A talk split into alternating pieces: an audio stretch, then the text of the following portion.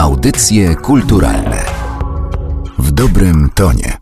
Mieszają rock'n'roll z bluesem i punkiem i śpiewają o trudnych relacjach. Grają bez basu i perkusyjnych talerzy, ale za to prosto z serca. Jesienią wydali swoją drugą płytę Kiss Kiss Bang Bang. Ja nazywam się Magdalena Miszewska i w tym odcinku audycji kulturalnych rozmawiam z warszawskim zespołem Fertile Hump. Tomek? Dzień dobry Państwu. Magda? Dzień dobry Państwu. I Maciek. Cześć.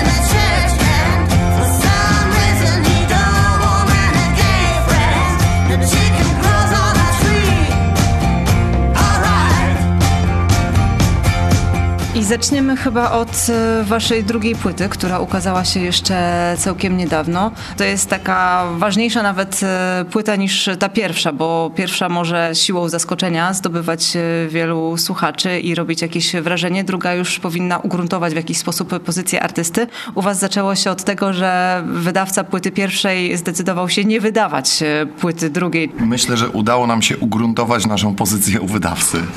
jako luzerów. To jest wszystko, co co chciałem Oczywiście powiedzieć. to nie jest najmilsza rzecz, jaką słyszysz, jak wysyłasz do wydawcy materiał, z którego jesteś naprawdę zadowolony i słyszysz, no słuchajcie kochani, bardzo się lubimy, mam nadzieję, że nadal jesteśmy przyjaciółmi na Facebooku, ale nie.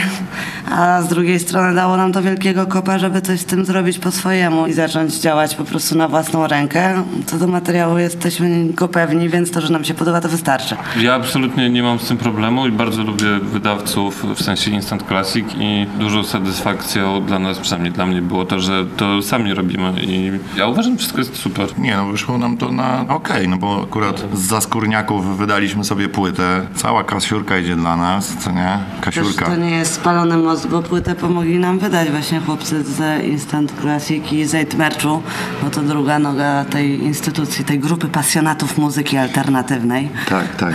Więc tak, lubimy się, pomagamy sobie, a my jedziemy po prostu dalej po swojemu. Zastanawiałam się, czy są jakieś może powody, powody, które wam podali? Czy tak po prostu, no nie, no bo jakoś nie bardzo to czujemy, czy jednak jakieś e, konkrety się pojawiły? Nie. Oni byli po prostu szczerzy z nami, tak jak to jest w przypadku kolegów, że nie podoba im się to.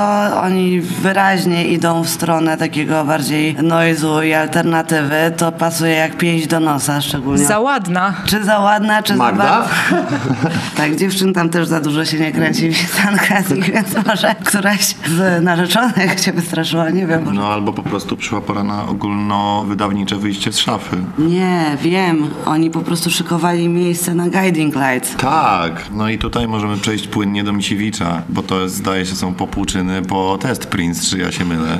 Czy to jakieś dawne animozje tutaj właśnie wpływają nie. na to, że Instant Classic nie wydało Fertile Hlam? W ogóle absolutnie żadnych animozji nie ma i ani z naszej strony, Przynajmniej ani... nieoficjalnie. Ja obserwuję pracę Instant Classic od praktycznie początku i naprawdę bardzo dużo płyt ich kupowałem i kupuję. Uważam, że to jest najlepsze w Polsce wydawnictwo i bardzo to się pokrywa z moimi zainteresowaniami i gustem muzycznym, ale też Niemieckim patrząc... rapem? Tak, powiedzmy, ale też patrząc na to rzeczywiście, co oni, jakie zespoły e, przede wszystkim wydają, no to trochę tak było, że też my tam średnio jednak pasowaliśmy, mi się wydaje, więc nie wiem, ja mam tylko zrozumienie Jedno i... jest pewne, że nikt bardziej niż my nie rozumie, że jak robisz coś po szkole za mały przychód tylko z pasji, to chcesz robić dokładnie dokładnie to, co ci się podoba, a nie coś, co jest choć trochę naciągnięte, że go nie czujesz tak, całym tak. sobą, no, więc to jest to taka też... naturalna reakcja w momencie, kiedy cokolwiek ci nie pasuje, że my to przyjęliśmy po prostu, a okej. Okay. To są ludzie, którzy mają drugą pracę w tym momencie, to wydawnictwo oprócz jakby normalnego życia zawodowego mają jeszcze to i przy tej ilości zespołów i płyt, które trzeba ogarniać, to naprawdę to jest kupa roboty, więc y, ja całkowicie to rozumiem, że oni się koncentrują na tym, na czym im najbardziej zależy po prostu prostu i tyle. Jest to normalne. A ja uważam, że tacy ludzie powinni iść do piekła.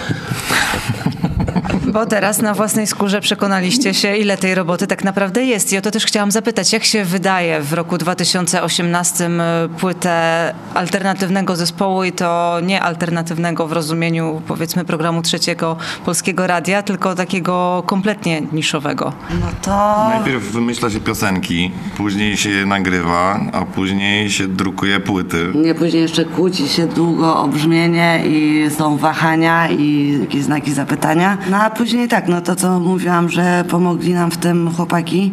Mają swoją platformę, która służy do tego właśnie, żeby zespół mógł sobie wydrukować, wyprodukować merch. I się czeka długo, w naszym przypadku za długo, ale nie jest to jakiś bardzo skomplikowany proces. No jest to po prostu kwestia kalkulacji też, ile tego, jak z tym jeździć, jak to dystrybuować, bo my jesteśmy kompletnie DIY w tym i jest w tym troszeczkę logistyki, ale tak naprawdę to się robi gdzieś tam samo na taśmach. Prawda jest taka, że jeżeli ma się do tego zapał, to prowadzenie takiego zespołu polega na wydrukowaniu tych płyt i załatwieniu sobie koncertów. Na... Wymyślenia okładki, tytułu, ułożenia setlisty, tracklisty, jak to będzie No tak, ale to są e, jakieś brzmiało, szczegóły. ale No tak. dobrze, ale to po co w takim razie jest wytwórnia, skoro to wszystko jest takie proste? Dobra, proste to to może nie jest, no bo jest to dużo pracy, ale jeżeli wiesz jak to zrobić, to absolutnie po nic. I jeżeli masz pieniądze, żeby zainwestować w te płyty oczywiście, to nie wiem, wiem po co. Dla dystrybucji i dla promocji, ale wydaje mi się, że my na przykład e, opędzlowaliśmy sobie te tematy wręcz brawurowo. Tak, no mamy o tyle komfortową sytuację, że rzeczywiście na tyle czasu dużo minęło od wydania poprzedniej płyty i różnych koncertów, że po prostu zabraliśmy kasę, także zespół nie zarabia na nic innego, tylko na siebie. To jest fajne, że my nie bierzemy w ogóle pieniędzy, z tego nie ma z czego, ale byliśmy w stanie sobie rzeczywiście spłacić tą mikrą e, Kredyty mieszkaniowe. tak, kredyty. Z wytwórniami jest trochę tak, że rzeczywiście, jeżeli ci się chce i jeżeli poświęcisz trochę czasu i no właśnie własnych pieniędzy, żeby to zrobić, no to rzeczywiście nic więcej nie jest potrzebne, bo to jest kwestia produkcji fizycznej po prostu płyt w tłoczni i drukowania okładek. No tylko, że niektórzy ludzie nie mają pomysłu albo w sensie nie wiedzą jak to zrobić, albo im się nie chce tego robić, co jest też całkowicie normalne, albo wiedzą, że są ludzie, którzy zrobią to lepiej od nich. My trochę jesteśmy tacy, że lubimy chyba robić wszystko sami po prostu też i to dla nas było takie zupełnie naturalne, że no, to sami co zrobimy i tyle. I to też wynika z tego, że my graliśmy w zespołach przez x lat, no więc znamy różnych ludzi, do których możemy zadzwonić, jeżeli chcemy gdzieś koncert zorganizować i na koncertach wiadomo sprzedaje się płyty, no bo to, że się wydrukuje te płyty, to jeszcze nie jest koniec procesu, później trzeba je pożenić, nie? A w tym celu w zasadzie trzeba pojechać na koncert, no bo przez internet tak naprawdę tych płyt y, nie sprzedaje się za dużo.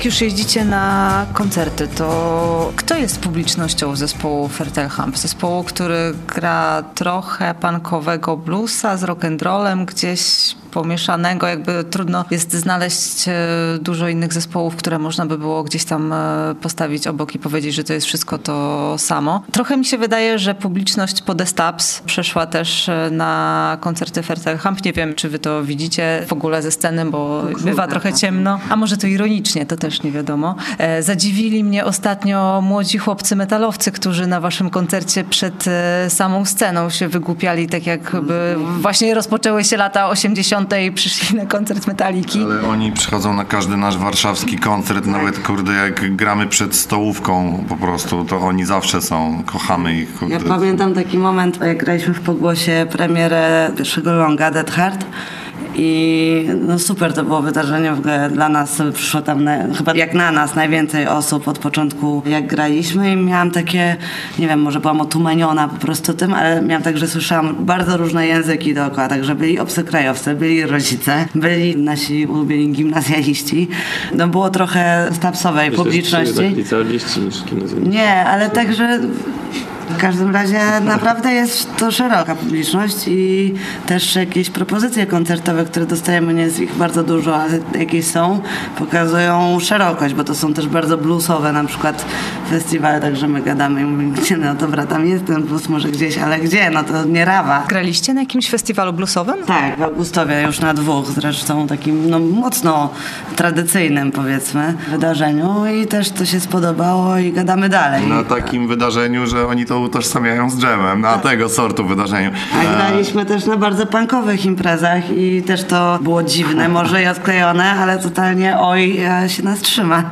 Nie graliśmy na rapowych. Nie no, jeszcze jest przekrój wiekowy, no bo na te koncerty przychodzą faktycznie osoby po pięćdziesiątce, którzy odnajdują w tym jakieś popłuczyny po Led Zeppelin czy innych Muddy Watersach nawet, a przychodzą ludzie, którzy słyszą w tym właśnie takiego rock'n'rolla, wiesz, nie wiem, no może nie Turbo Negro, ale takiego rock'n'rolla, nie? to ja. Tak, i ci ludzie faktycznie na tych koncertach stoją obok siebie, to jest fajne, ja to lubię bardzo.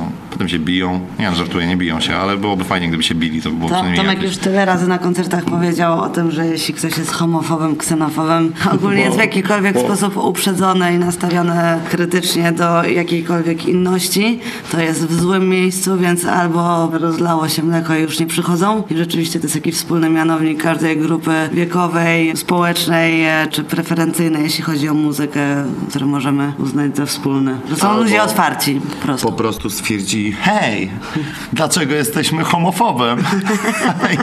Zmienili podejście po prostu. Od tego czasu już nie są homofobem. Trzeba by przeprowadzić ankietę w takim razie wśród publiczności przy okazji waszego kolejnego koncertu. Na rewersach biletów będziemy umieszczać ankietę. Tak, tak. Ile lat temu przestałeś być homofobem? Dzisiaj lat Po temu. której płycie przestanie być homofobem. Tak, tak. A jak wy się odnajdujecie? Znaczy, w którym miejscu tego jakiegoś e, środowiska alternatywnego byście się ustawiali i jak oceniacie, jak to w tej chwili w Polsce wygląda? Ja zaraz wytłumaczę lepiej, o co mi chodzi. Takie zespoły, które grają w niszach niszy, czyli jesteście jakąś, powiedzmy, nie wiem, czy niszą bluesa, czy niszą bluesowego rock'n'rolla. Mieliśmy też do niedawna zespół w Warszawie, który grał takie tradycyjne rockabilly. Daryl Gunn Thompson przestali grać. Mamy Psychobilly, które jest niszą w punk rocku i też tych zespołów nie ma tyle co palców u jednej ręki. Jest e, ska, które jest niszą tej całej muzyki około jamańskiej i tam także ta sytuacja nie wygląda zbyt e, wesoło. I czy ta właśnie nisza w niszy w jakiś sposób może... Czy to przeszkadza zespołom, które w tych niszach są? W sensie ja wiem, że możecie wypowiedzieć się tylko jakby o sobie i co wy na ten temat sądzicie, ale jak te takie bardzo niszowe sceny mają się w Polsce? Wiesz co, nie ma sceny takich zespołów jak my, no nie, no to sama to powiedziałaś, więc my nie mamy jak się ustawić. Ja nie poczuwam się do bycia bliżej rockabilly, albo bliżej hardcore punka, albo bliżej czegokolwiek. To po prostu jest chyba zestaw ludzi, z którymi my się bujamy, którzy grają w bardzo różnych zespołach i to jest jakby moja scena, nie? Ci znajomi i ci przyjaciele, to nie ma znaczenia w jakich oni zespołach grają. Znaczenie ma to, że są naszymi przyjaciółmi, że w ogóle chcemy różne rzeczy ze sobą. Przecież my jeździliśmy z ojowymi zespołami, jeździliśmy z e, alternatywnymi zespołami typu Queer Resource Center albo... Z emo zespołami, Tak. bardziej indie zespołami. Tak, jeździmy z Morią Woods i z Stay Nowhere na jednym gigu gramy, wiesz. No to jest moim zdaniem też spoko w ogóle, nie? Że Super jest też to, że to ludzie ma- lubią różnorodność, że to jest, mam wrażenie przynajmniej, że fajne, że te rzeczy się zmieniają, że to, że wrzucisz do jednego pudła takiego Mateusza Franczaka na przykład, chłopca, który pięknie śpiewa, gra na gitarze takie melancholijne, ciche rzeczy, a potem wchodzi szalone trio i daje ludziom No rocka. tak, ale chodzi o to, że Mateusz Franczak, który rzępoli na tej gitarze i kwiczy tak. No, Sorry, Mati. Do tego mikrofoniku okazuje się, że gra na saksofonie w zespole Pleasure Trap. do którego ja dośpiewuję sekcję wokalną. Tak, i to o to mi chodzi, nie? I który wciąż jest niszą w niszy, bo z kolei powiedzmy, no to power pop, czyli to określenie, które oni sobie trochę moim zdaniem jeszcze na wyrost e, przybrali, no ale jakby w tym kierunku idą, to też jest coś, czego w Polsce w ogóle nie ma. I ja szukam często odpowiedzi również w Tak, domu, ale- ale- przy stole, dole na to pytanie dlaczego. Odpowiedź. No każdy gra to, co chce. Nie musisz grać rzeczy, których y, scena już istnieje. Ale wiesz, chodzi o to, że jednak w e, innych krajach e, nawet te mikrosceny, one są zdecydowanie większe niż w Polsce. Znaczy no na zachód od Polski, bo pewnie na wschód e, też będzie inaczej. To prawda, ale to nie oznacza, że my się musimy tym przejmować. No to, że polska scena jest taka, jaka jest, no to my jesteśmy tu po to, żeby to zmienić, tak? Nie to, że to jest jakaś nasza działalność misyjna, tylko że po prostu jeżeli będzie więcej takich osób jak my, które mają to po prostu w poważaniu i sobie robią to, co chcą, no to w pewnym momencie będzie tych zespołów coraz więcej, porobią się te drobne scenki, o których mówisz, będzie więcej zespołów i to się zacznie dziać po prostu, no. Myślę, że te mikroscenki są, tylko że one są takie, jakie są i to wystarcza im. I jakby o to chodzi w tych scenach też, że to są małe koncerty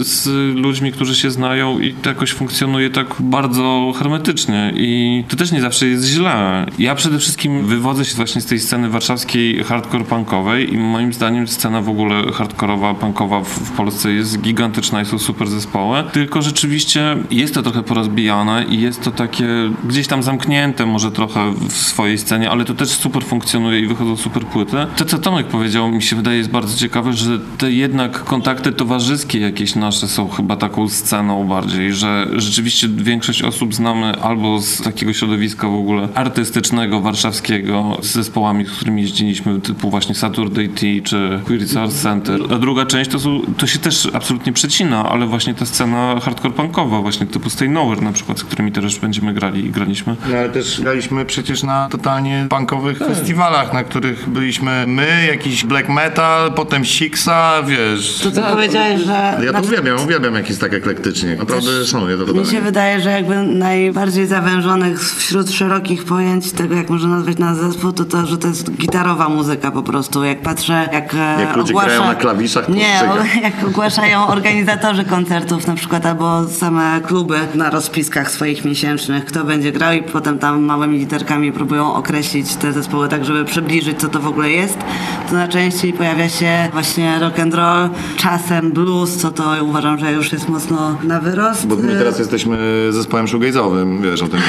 Kupujemy sobie pogłosy i nic nie będzie słychać. Ale tak, bez etykiet jakoś. Bez etykietu, ale tak, shoegaze taki no... Tak, dopóki e, Tomek, słuchaj- Psychodeliczny shoegaze blues na surfowych resorach. Z elementami indie i garażu. Co się w garażu? Wspaniale, macie już wydawcę tego kolejnego cydeńka, które szykujecie? Założymy sobie jakąś wytwórnię. Będziemy jak dodamy tam jeszcze troszeczkę noizu, to może wrócimy do instantu. Tak, kupimy sobie trąbkę i będziemy wlec gitarę po podłodze i wtedy wracamy do instant po prostu z kopyta. Ale zanim to, to ta druga płyta, już zostawmy te scenowe e, rozkminki i płytę. Nie, poczekaj, jeszcze chciałem wrócić. Nie kupimy sobie trąbki, kupimy sobie efekt do gitary, który zamienia gitarę w trąbkę. I wtedy będziemy wlec tę gitarę przez ten efekt po podłodze. I będzie to taki dźwięk. Graliśmy też kiedyś na kieliszkach, ale nie wiem jak się nazywa taka scena. Ale to już było zbyt alternatywne i dlatego właśnie Instant zdaje się robić sublabel do wydawania aż takiej alternatywy. Jeszcze trąbka w pralce, tego jeszcze nie było. Może Mazut to opyka.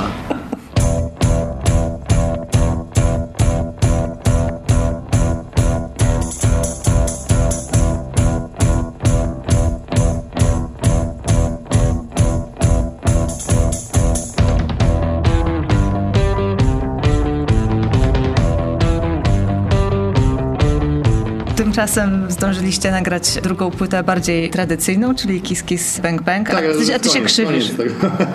Teraz będzie bardziej alternatywnie. Druga płyta, na której ciebie jest chyba Tomek trochę więcej niż na płycie pierwszej, to pewnie też jest pokłosie tego, że zrezygnowałeś z grania w The Stabs. Tak, zgadza się. Mam tę myśl rozwinąć? Jeżeli możesz. Ja po prostu bardzo lubię śpiewać i gdzieś musiałem śpiewać, więc w związku z tym Magda musi śpiewać trochę mniej.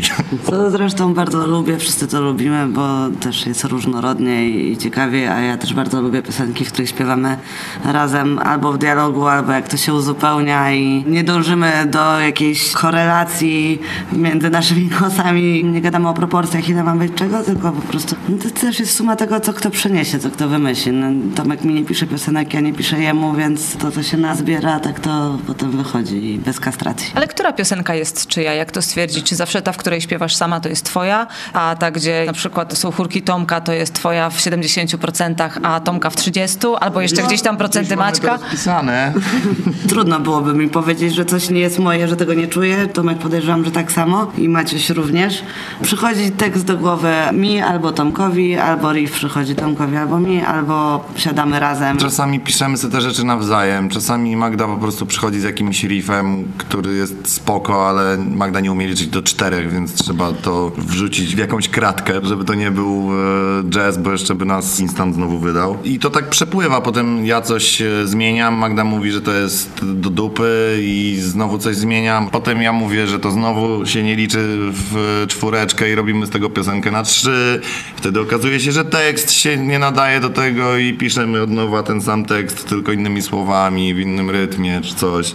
To naprawdę bywa bardzo różnie i nie da się tego tak określić, bo jeżeli weźmiemy jedną piosenkę jako jakiś temat, to on przepływa między nami, jedno po prostu coś zmienia, drugie coś zmienia i wychodzi z tego jakiś taki Frankenstein. Pytałam o to między innymi dlatego, że macie sporo utworów poświęconych różnym relacjom w związku i Magda kiedyś powiedziała, że łatwiej jest przepracować te emocje właśnie pisząc piosenkę, jakby te wszystkie niefajne rzeczy gdzieś tam sobie publicznie wyrzucić.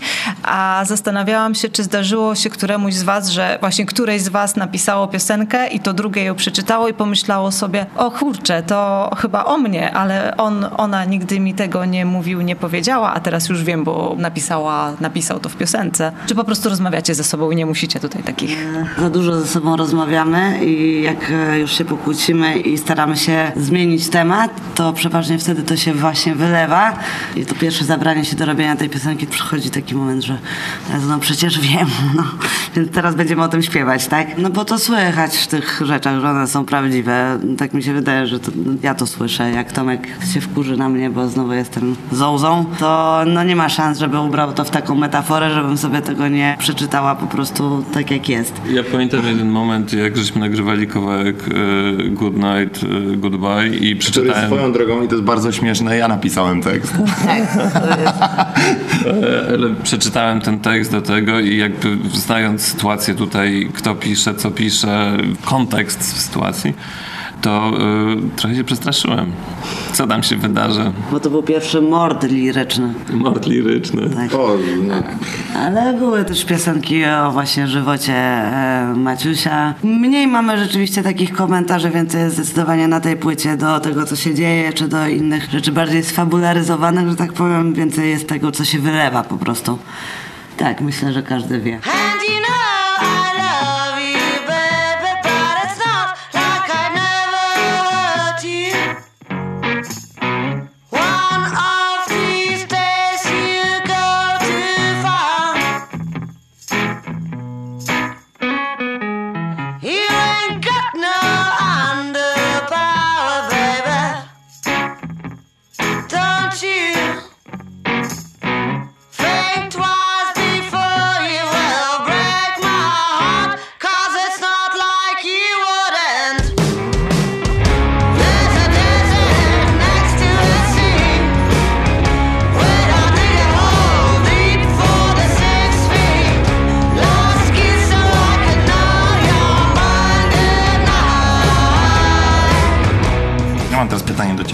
bo ja się zawsze zastanawiam, czy kogoś realnie to obchodzi, to co my tutaj gadamy, bo naprawdę zawsze mnie to zastanawia, czy ktoś słucha tych audycji i realnie interesuje go, co się dzieje z zespołem Fairtail Hump. Podeślę ci statystyki, nie wiem, życzysz sobie tygodniowe czy miesięczne?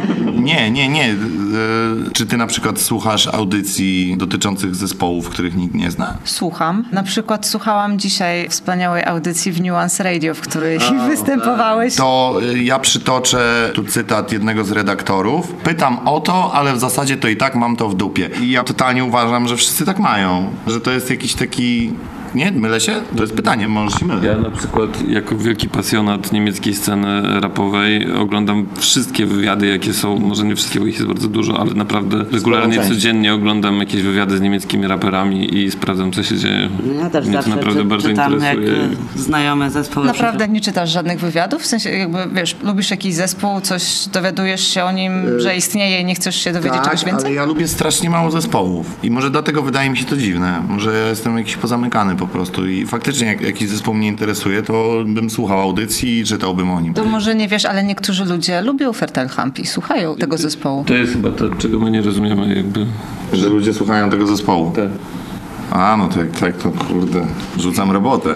Nie, no mechanizm jest prosty. No, Tomek e, zajarał się jakiś czas temu zdobywaniem szczytów w Himalajach. Dwa lata mniej więcej trwa już jego przygoda z e, wujkiem Googlem i YouTube'em. Po prostu tak jak kiedyś jeździło się palcem po mapie lub po globusie, to on e, przechodzi trasy 3D czterodniowej wyprawy na szczyt K2 i interesuje cię to robisz. To zakładam, że tak jest Tak, tak, prostu masz z rację, każdym. Ja gotuję, To ja w gotuję takim wypadku- piekę tiramisu, to czytam przepis.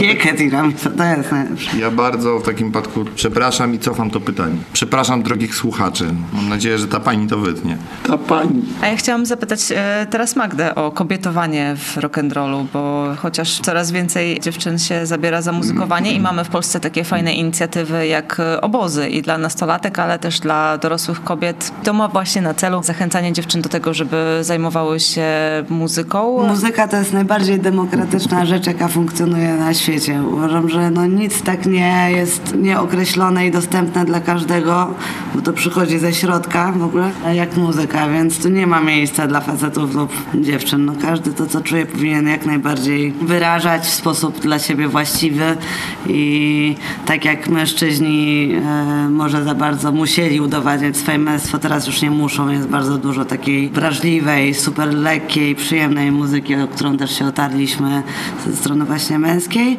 Tak jest bardzo dużo dziarskiej, dynamicznej pewnej siebie rebel muzyki od dziewczyn.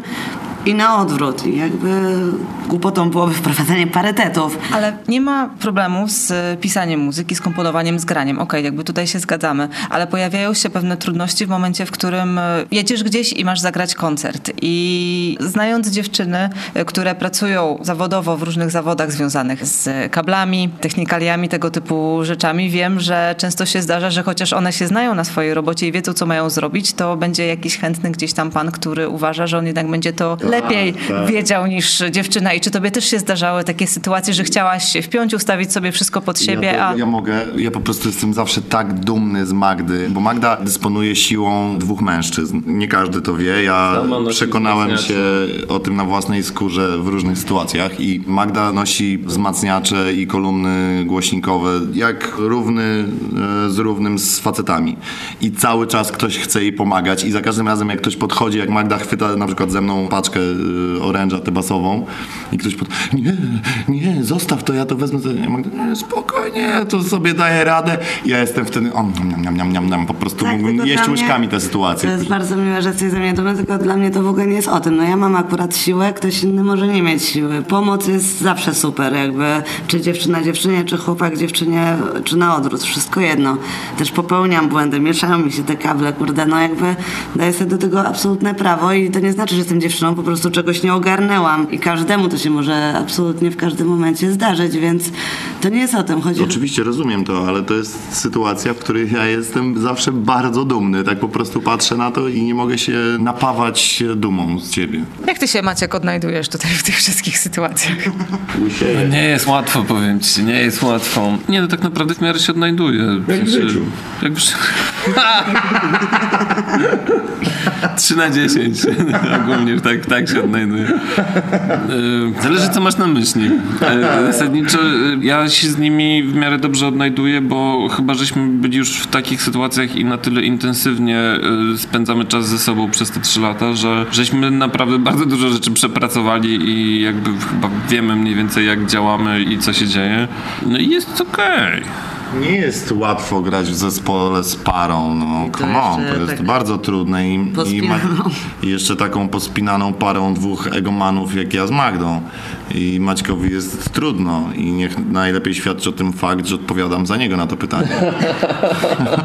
Na pewno Maćkowi byłoby łatwiej, jakby sobie zainstalował w końcu tego crasha. Maćkowi jest łatwo i Maciek jest bardzo zadowolony. bardzo szczęśliwy. Maciek uważa o nas co najlepsze. Czasami powie coś innego, żeby zażartować.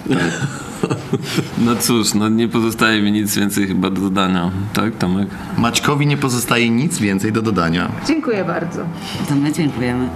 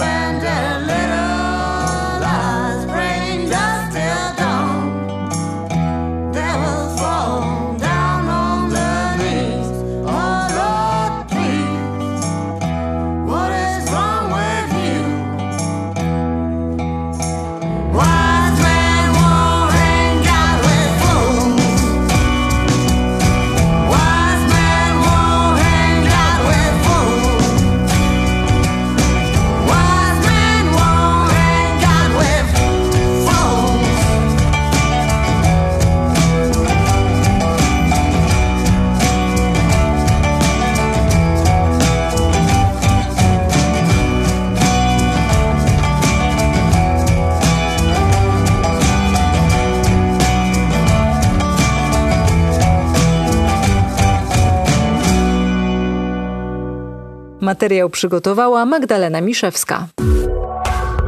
Audycje kulturalne w dobrym tonie.